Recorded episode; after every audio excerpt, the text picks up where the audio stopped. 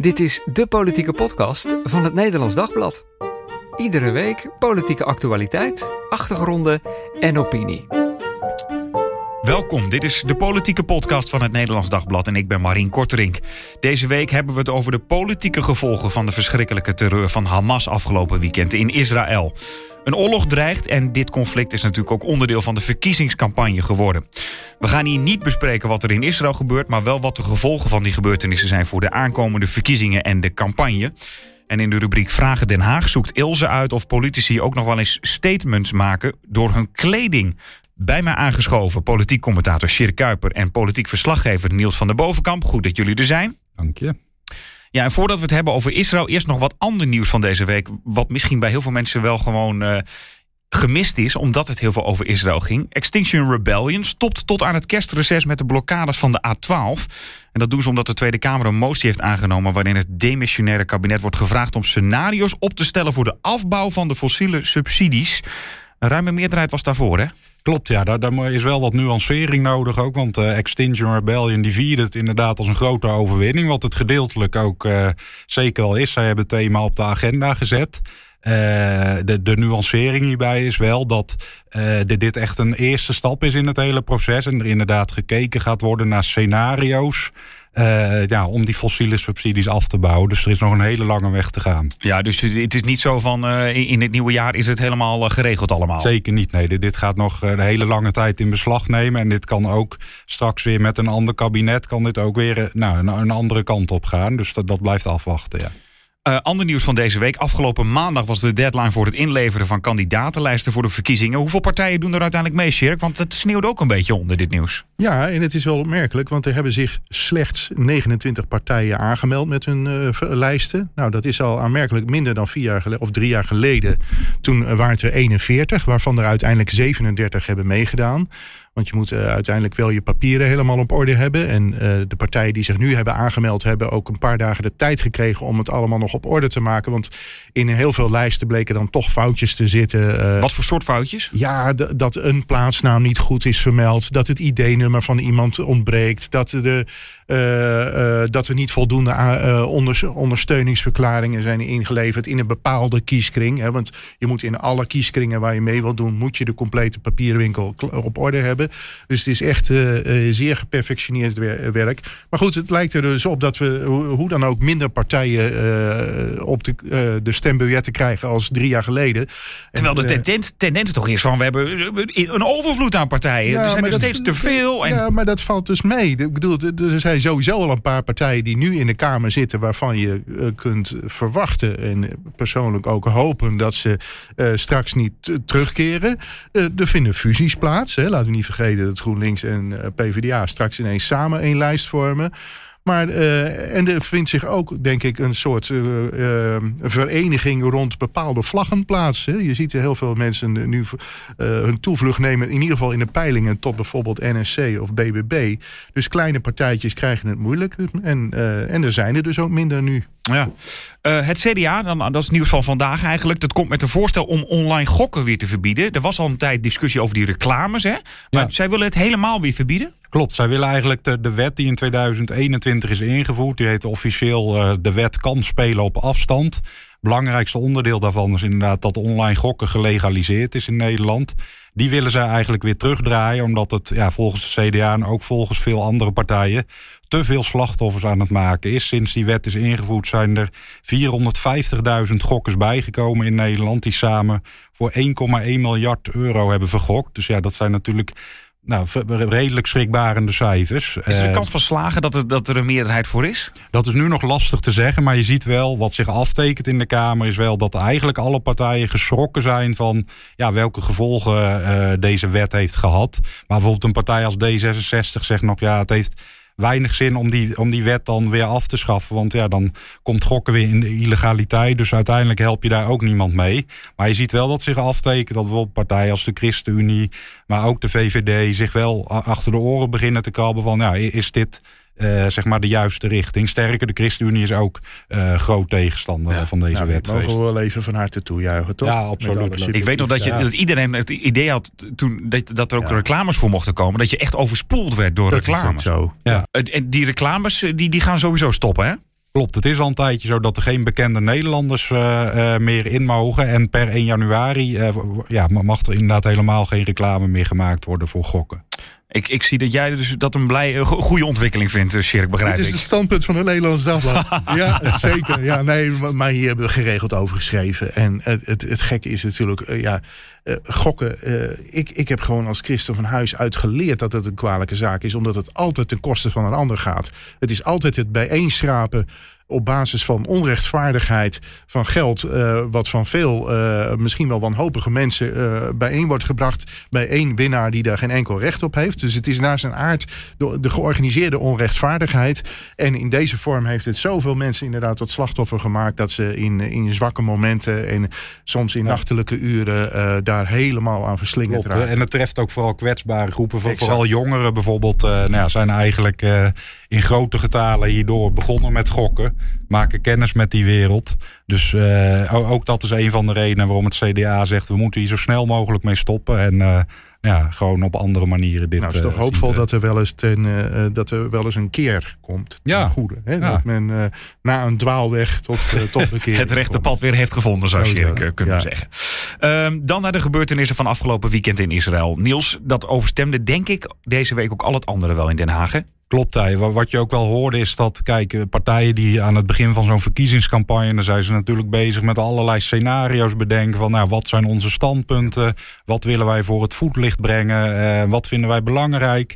Uh, nou, daar wordt dan uitgebreid over nagedacht en dan ja, gebeurt er zoiets als dit en dan kan dat eigenlijk bijna allemaal uh, de papierversnipperaar in.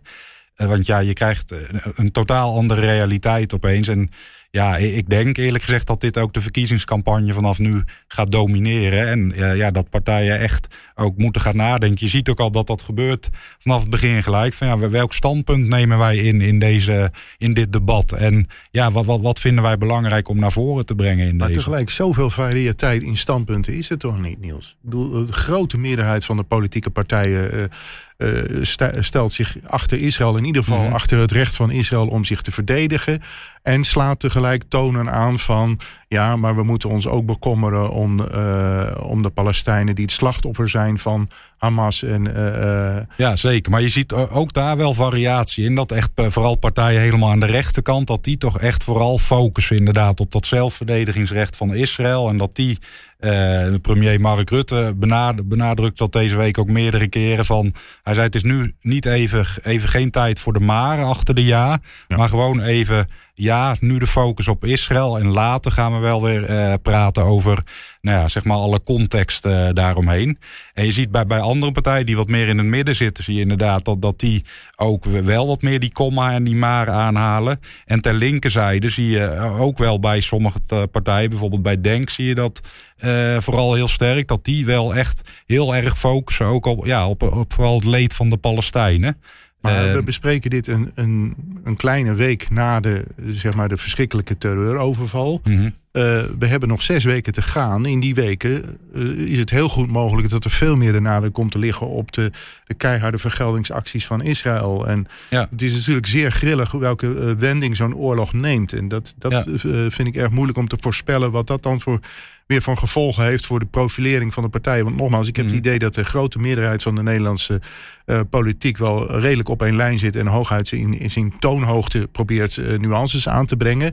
Je noemt Denk terecht als een uh, partij ter, ter linkerzijde die hier een uitzonderlijk standpunt inneemt. Ja. Um, en aan de rechterkant heb, heb je, hebben we tot onze verbazing gezien dat Forum ineens een, een bochtje ja, ja, het eens was met ja. Denk. Ik wil ja. toch eventjes uh, inderdaad wat partijen voorbij ook. Want, en, en, en, maar eerst nog even beginnen. We hebben het nu over links en rechts. Uh, ja, maar dus werd soms gezegd van rechts, die zijn altijd allemaal voor Israël. Links allemaal, nou wat meer genuanceerd wordt dan gezegd. Is, dat is dus niet meer zo? Dat is inderdaad wat gechargeerd. Maar wat je in, als je het heel algemeen pakt, wel ziet, is dat rechtse partijen in, in eerste instantie to, toch wat meer inderdaad uh, nou, neigen om die kant van uh, van Israël wat meer te belichten. En partijen ter linkerzijde ook wat meer die en-en uh, situatie proberen te schetsen.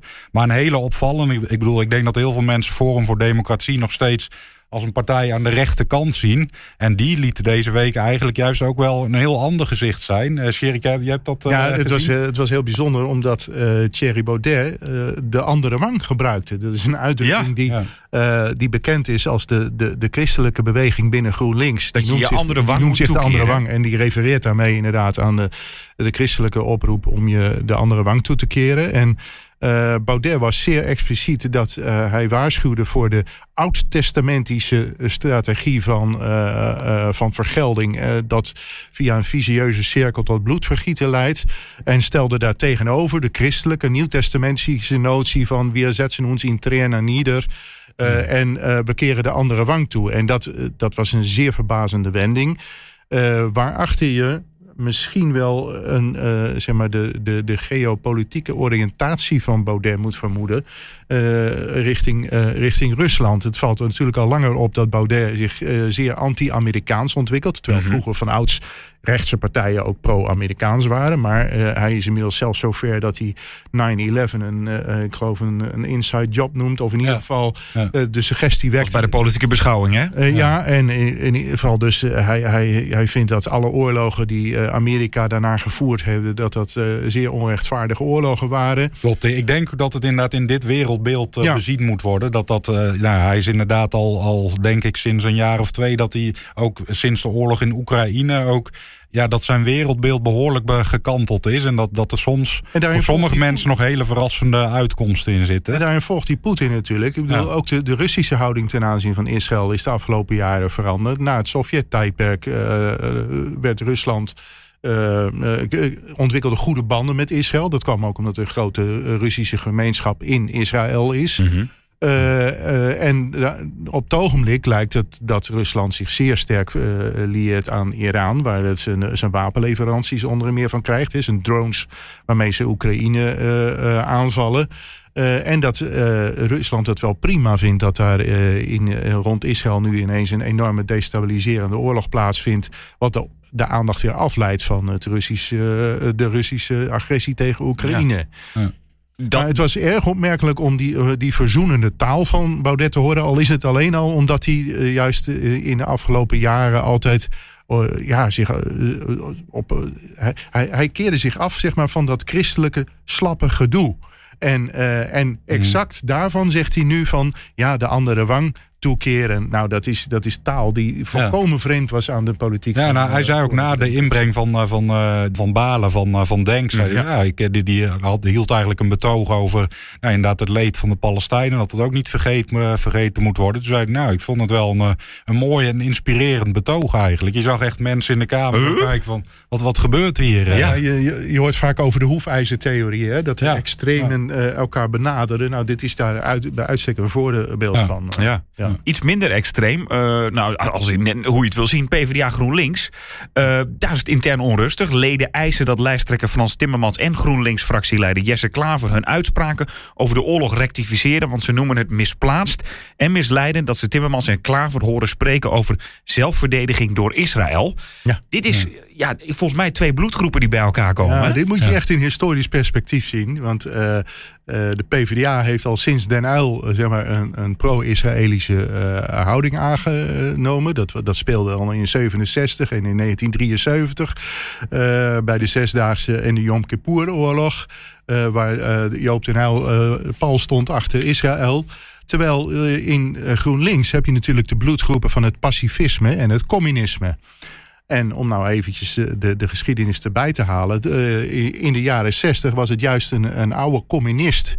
Piet Nak, die uh, notabene in de oorlog nog een van de aanvoerders was geweest van, het, uh, van de februari-staking. Uh, waarmee ze Nederlanders zich achter de Joden stelden.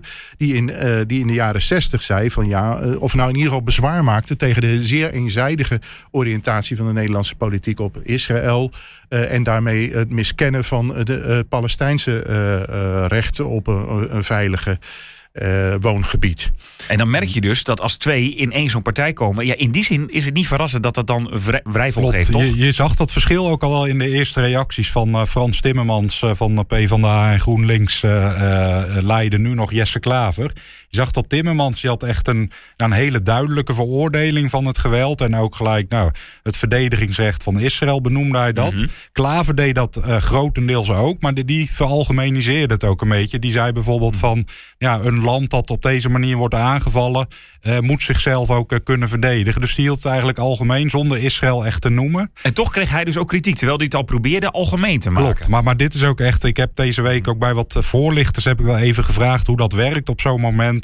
Ja, dat er zo'n grote gebeurtenis plaatsvindt. Ja, wat, er dan binnen een partij gebeurt. En ja, ik kreeg ook van meerdere kanten te horen dat het op zo'n moment ook, uh, bijvoorbeeld zo'n reactie op Twitter, of X heet het tegenwoordig, um, dat, dat daar echt tot op woordniveau over na wordt gedacht van... Ja omdat het zulke gevoelige thematiek is. Van ja, hoe, hoe gaan we dit op zo'n manier uh, over het voetlicht brengen. dat we zowel onze achterban zeg maar, uh, zich daarin kan vinden.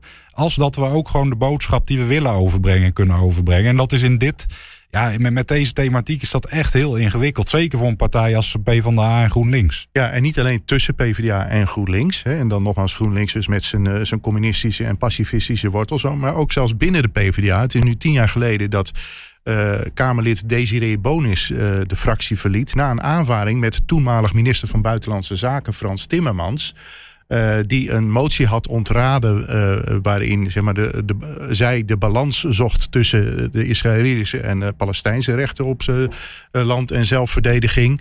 En zij daar erg teleurgesteld over was. En het was wel bijzonder, want ze was nog geen jaar Kamerlid toen volgens mij. Ze kwam van Buitenlandse Zaken. Ze was zeg maar een voormalig diplomate. Is daarna ook weer teruggekeerd. Dat is dan oh ja. het meest saillante. Als ambtenaar op het ministerie van... Oh ja. Timmermans, die, met wie ze dus die aanvaring had. En uh, ja, dat ging, ging ook weer over de. Ja, eigenlijk ja. De, voortdurend het zoeken naar een balans voor het opkomen. Voor, want laten we wel zijn, uh, er zijn. Uh, uh, het is zeker niet zo dat de, de pro-Palestijnse uh, geluiden in Nederland per definitie anti Joods, anti-Israël of zelfs anti-Zionistisch of anti-Joods zouden zijn. Maar het is altijd zoeken naar een balans van, van rechten en het, het op. En dat, dat merk je ook in die christelijke uh, wereld. Het, we hebben het drie, drie, vier weken geleden hebben het gehad over hoe de ChristenUnie in zijn programma uh, weer ja, zeg maar uitgesproken pro-Israël standpunt had. Zelfs daar is dat niet altijd gemeen goed geweest. 30 jaar geleden, toen GPV en RPF toenadering zochten mm. tot elkaar, was Israël een van de uh, onderwerpen waar ze duidelijkst over verschilden. Want er waren GPV-jongeren oh, ja. die meenden dat de RPF toch wel aan Israël-cultus leed. Ja, en toen ja. hebben uh, André Rauwvoet, toenmalig uh, directeur van het WI van de RPF, hij was toen nog een eerste Kamerlid. Wetenschappelijk instituut. En, ja, en, ja. Uh, en Eimert van Middelkoop, die toen Kamerlid voor het GPV was, die hebben eigenlijk een soort compromis gezocht. Die zeiden van nou, we komen er wel uit. Uh, uh, op, een, op een gebalanceerd Israël-standpunt. Nou, dat dat vond ik ook wel een van de ja. opmerkelijke dingen deze week inderdaad. Dat de, bij de ChristenUnie dat het opmerkelijk eenduidig was het geluid zeg maar, van nou ja, een hele duidelijke boodschap. Wij staan pal voor Israël. Um, uh, en eigenlijk dat, dat die Palestijnse zijde nauwelijks benoemd werd. Terwijl in de partij uh, nou, ook wel een, een deel is wat, wat daar gevoelig voor is. Of in ieder geval... op dat de, de jongeren, hè? Ja. Opnieuw de jongeren dus. Hè? Een, een brief van, uh, van perspectief waarin ja. ze verklaarden van laten we ook onder deze omstandigheden niet te makkelijk in een reflex schieten van alleen maar... Klopt, ja de Israëlische kant kiezen, maar ook oog blijven houden voor de, uh, de, ja, het immense lijden van het Palestijnse volk. Ja. En, en ga dan alsjeblieft in gebed in plaats van allerlei forse statements te maken. Ja. Dat, ja. Zometeen wil ik nog wat meer partijen bespreken. Laten we eerst even naar Den Haag gaan, waar Ilse zoekt naar statements van politici deze week. En dan eens niet in woorden. Vraag het Den Haag.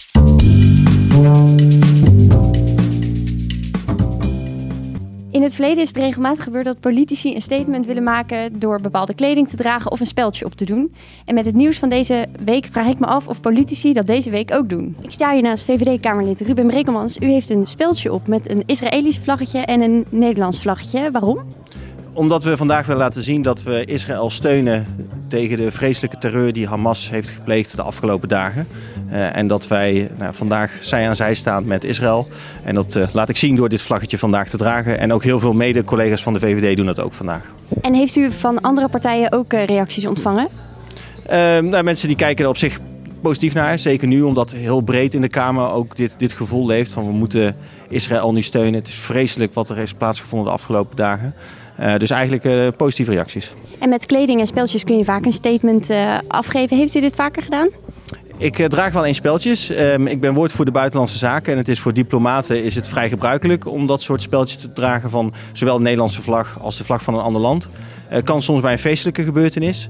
Dus ik draag bijvoorbeeld ook wel eens een speltje van de Nederlandse en Amerikaanse vlag als we samen iets te vieren hebben. Maar het kan ook op dit soort hele vreselijke momenten om je steun uit te dragen. Op de werkkamer van Jasper van Dijk van de SP. Meneer van Dijk, maakt u wel eens een uh, politiek statement door kledingkeuze of bijvoorbeeld een speltje te dragen? Heel zelden. Ik... Wanneer is het gebeurd? Ja, ik zit te denken. Ik, ik doe het eigenlijk meestal met woorden. Statements maken. En nu is Israël natuurlijk een hot item deze week. Heeft u overwogen om een uh, Israël-speldje uh, op te doen?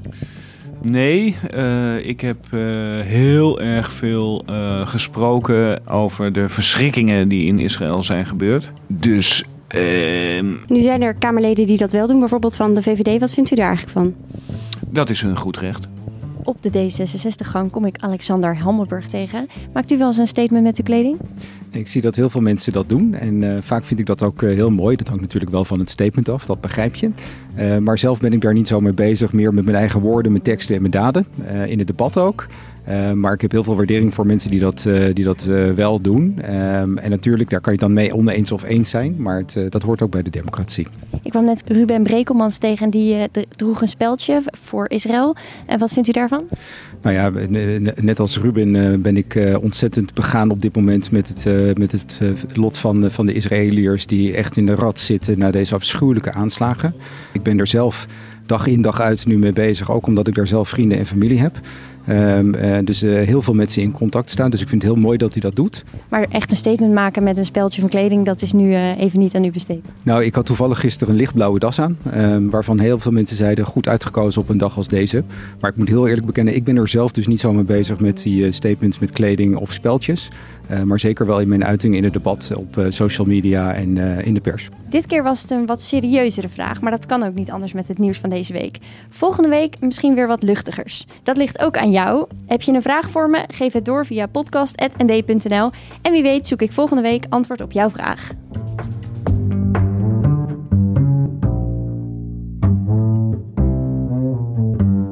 Wij waren gebleven bij nou, al die verschillende politieke partijen, hoe die zich hebben geuit over Israël en wat de impact is van dat nieuws op de verkiezingen, op de campagne.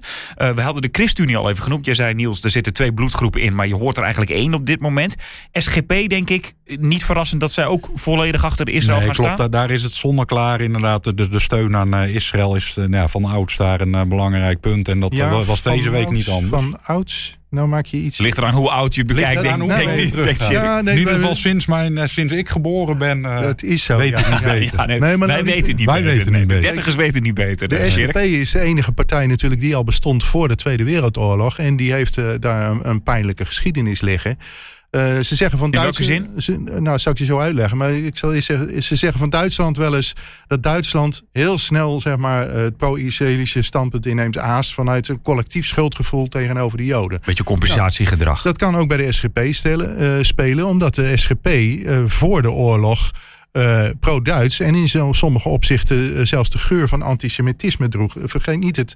Uh, toen Hitlers boek Mein Kampf verscheen, uh, heeft er in het partijblad van de SGP, de banier, ik heb het hier liggen, van uh, eens even kijken, 1933. Je bent even de geschiedenis. 27 april 1933 publiceerde de banier zonder commentaar een uittreksel van het verhaal van Adolf Hitler, hoe ik antisemiet werd.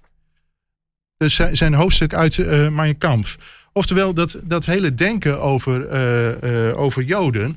En daar, daar heeft het, het Nederlands protestantisme uh, een, uh, ja, als geheel wel een, uh, een pijnlijke geschiedenis. Dat er in het verleden over de Joden wel dingen gezegd zijn als van uh, ze hebben de veroordeling over zichzelf afgeroepen. Hè. Uh, en dat, uh, dat werd zelfs politiek. Ik bedoel, de SGP was destijds zeer uh, anti-Rooms. En ze vonden het Roomse gevaar veel groter dan het, dan het fascistische en, het, en het gevaar van Hitler. Dat werd totaal niet erkend. Maar dat, dus, geluid is toch al decennia lang niet meer. ben ik het mee eens, maar ik probeer te duiden waarom, he, zoals van Duitsland gezegd wordt, van juist door, dat, door die collectieve schuld van de Tweede Wereldoorlog zo kun je ook bij het Nederlands, het, juist bij het orthodox protestantisme, nou, speelt er nog altijd het besef, wij hebben uh, ook een blinde vlek gehad voor de, de zwartste uh, uh, passage ja, in Maar ook heel sterk het besef daarvan de verbondenheid met het volk Israël. Dat, dat ja, maar dat is wel een theologische bocht die genomen is. Waar, ja. waar in het verleden protestantse theologen Israël min of meer hadden, of het Joodse volk hadden afgedaan. Want het, het ging nu om de, om de volkeren. Daar is eh, zeg maar, een vernieuwd besef gekomen van Israël en de Joden als onze oudste broer. Ja, en, ja. Uh, we moeten niet doen alsof het altijd zo is, is hmm. geweest. Dus vandaar even mijn kanttekening bij het de dertigers, van die, die, die spijkeren de kennis geschiedenis. Bij, ja, ja, ja, precies. Uh, dan die andere christelijke partij, CDA. Hoe staan die hier eigenlijk in? Nou, die hebben zich eigenlijk als een echte middenpartij gedragen. Die hebben nou, eigenlijk een beetje de, de beide zijden ook belicht. Wel ook met nadruk op de Israëlische kant. Dat, dat, dat, daar inderdaad, uh, nou, dat zij het zelfverdedigingsrecht hebben. Maar Dirk Boswijk voerde daarover het woord uh, deze week, het CDA-Kamerlid. En hij heeft ook echt wel een paar keer gewezen op nou, die, die Palestijnse kant. Dat het ook wel belangrijk is dat daar in de gaten wordt gehouden. Dat, ja, dat er wel gewoon aan het humanitaire oorlogsrecht gehouden moet worden. En dat, dat, het niet, uh, ja, dat, dat er opgelet moet worden dat er niet onnodig nog, nog duizenden slachtoffers vallen. die van Israëlisch uh, ja, geweld, zeg maar. Ja. Kijk, ook het, het, CDA heeft flanken. En het meest bekende voorbeeld is natuurlijk de oud-premier Dries van Acht. Die. Ja in de, in de jaren 70, 80 van de vorige eeuw uh, pal voor Israël stond, om het maar zo te zeggen. En die zich begin deze eeuw uh, de, de Palestijnse zaak heeft aangetrokken. En daar uh, uiteindelijk twee jaar geleden, of ik, ja, geloof 2020, 21, uiteindelijk zijn lidmaatschap van het CDA heeft opgezegd. Mm -hmm. Uit teleurstelling, omdat de partij toen een heel aantal moties niet had gesteund. Waarin opnieuw zeg maar, uh, ook voor de Palestijnse zaak werd gepleit.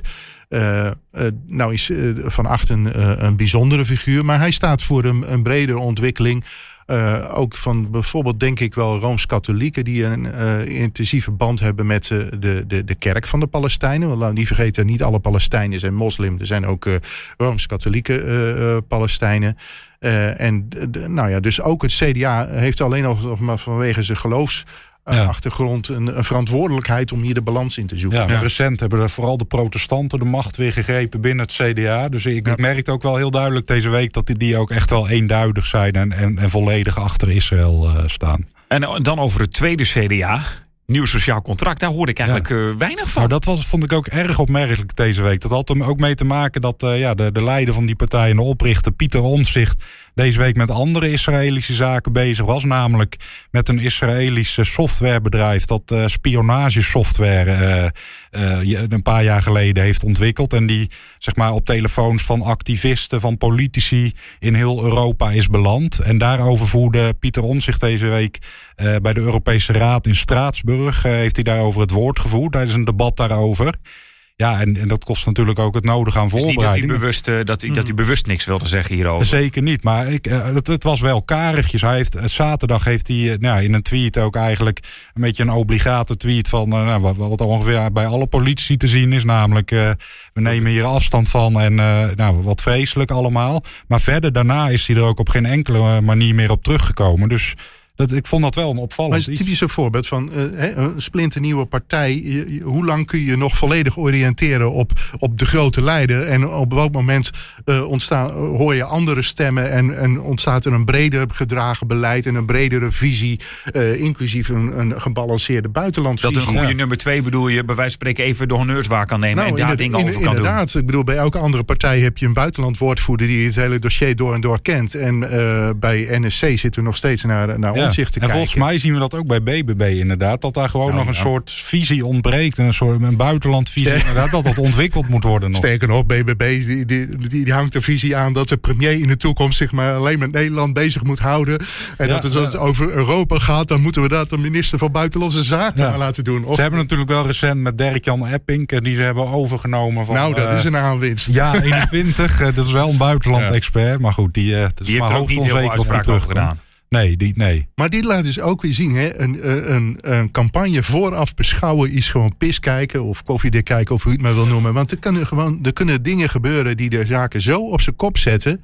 Dat, dat we met z'n allen ineens een andere kant op kijken. Ja. En op heel andere dingen Ja, georiënteerd dat, dat is wel een interessant punt wat jij net ook noemde. Dat hoorde ik deze week in Den Haag ook wel. Dat inderdaad, nu ligt die loyaliteit nog heel erg bij Israël. Maar dat kan de komende week inderdaad, als de massale aanvallen op Gaza plaatsvinden, kan die loyaliteit ook heel snel verschuiven. En dan kun je nu misschien heel erg in gaan zetten op het ene thema. Maar misschien is dat over een week wel weer achterhaald dan, politiek gezien. En ja, wed je misschien op het verkeerde paad eh, Ja. daarin. Ik wil het zo nog even hebben over welke partijen er nou baat bij hebben of moeten vrezen als dit onderwerp langer bij spelen. Maar ik wil nog even de VVD noemen, want die hebben met Jezilgus misschien. eh, ja, eh, ja, voordeel klinkt een beetje raar om te zeggen in, in, met dit verschrikkelijke nieuws natuurlijk in het achterhoofd. Maar snap je wat ik bedoel? Ja, het, klinkt inderdaad heel cynisch om er op zo'n manier over te praten. Maar tegelijk is de realiteit ook wel dat, ja, dat politieke partijen hier iets mee moeten en dat dat ook doen. Ehm, en inderdaad, als je dan kijkt naar de positie van de VVD, ik, ik denk dat die ook wel eh, ja, goed doorhebben dat, dat, dat dit eh, voor de partij een, een mogelijkheid is om, om ook, ja, ook de nieuwe partijleider Jezilgus om haar profiel te geven. Eh, ook als iemand die inderdaad staat voor een stevige rechtsstaat. Je krijgt nu natuurlijk ook dat, ja, dat, dat, dat dit conflict ook eh, ja, naar Nederland, eh, naar onze Nederlandse steden wordt gehaald. We hebben deze week gezien met, met de demonstraties, dat burgemeesters worstelen hiermee. Eh en Jezus, dus- Law and order zijn er zijn normaal van. Hè? van eh, Precies. dat, dat, dat past in die zin in hun, eh, in hun straatje. Plus dat Ja. zij, ik weet niet of ze dat benoemt eigenlijk deze dagen, dat ze getrouwd is met iemand die Joodse roots heeft, toch? Dacht ik. Klopt, volgens mij is ze niet heel erg happig op om dat, dat ook te noemen. Maar dat is inderdaad wel bekend eh, dat, dat zij een eh, Joodse man heeft. En dat dat ook wel erg heeft eh, nou ja, geholpen bij haar in, in, in, in haar visievorming. Dat zij natuurlijk ook van dichtbij meemaakt eh, ja, wat, dat doet eh, om, om, om Jood te zijn. Ook in Nederland. Wat voor gevolgen dat eh, eh, kan hebben. En dat heeft haar ja, visie op, op, op dit soort eh, zaken ook wel inderdaad beïnvloed. Ja. Ja. Maar goed, we nemen deze podcast op uh, uh, daags voor het uh, PvdA GroenLinks congres. Op het moment dat in de peilingen eigenlijk de drie partijen ongeveer op schouderhoogte staan. Dat zijn dan uh, VVD, PvdA GroenLinks en NSC. En de rest volgt op uh, aanzienlijke afstand. afstand, inderdaad. Ja.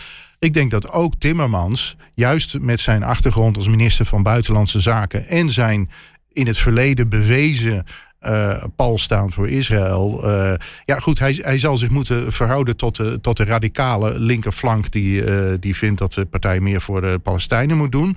Maar hij, hij, stijgt, op, hij stijgt hierdoor ook. Hè, doordat de, de aandacht op een buitenlandse conflict gericht is.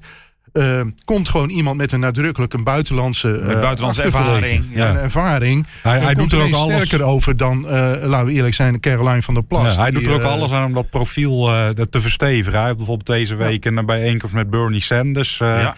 Uit Amerika. uit Amerika ja. inderdaad. van de Democratische Partij. Heeft, eerder heeft hij een bijeenkomst gehad met Justin Trudeau, de Canadese uh, president. Dus hij, hij, hij, doet er ook wel aan om dat profiel van buitenland-expert, wat natuurlijk ook terecht is, om dat ook wel in de markt te zetten. Ja, en te laten zien dat hij polyglop is. Hè? Polyglop, wat, wat is dat? Uh? Dat hij heel veel talen kan. Ja, ja, ja, ja, ja, ja polyglot, ja, zeker. Ja, ja, um, is het nou ook zo dat, er wordt wel eens gezegd, hè, een rally around the flag bij grote gebeurtenissen met corona zag je natuurlijk Mark Rutte. Maar goed, Mhm. Mark Rutte doet deze verkiezingen niet meer mee. Hebben bestaande partijen in dit soort situaties. Want het speelt toch op afstand. Hè? Corona was natuurlijk dichtbij. In welke mate is dat te vergelijken eigenlijk?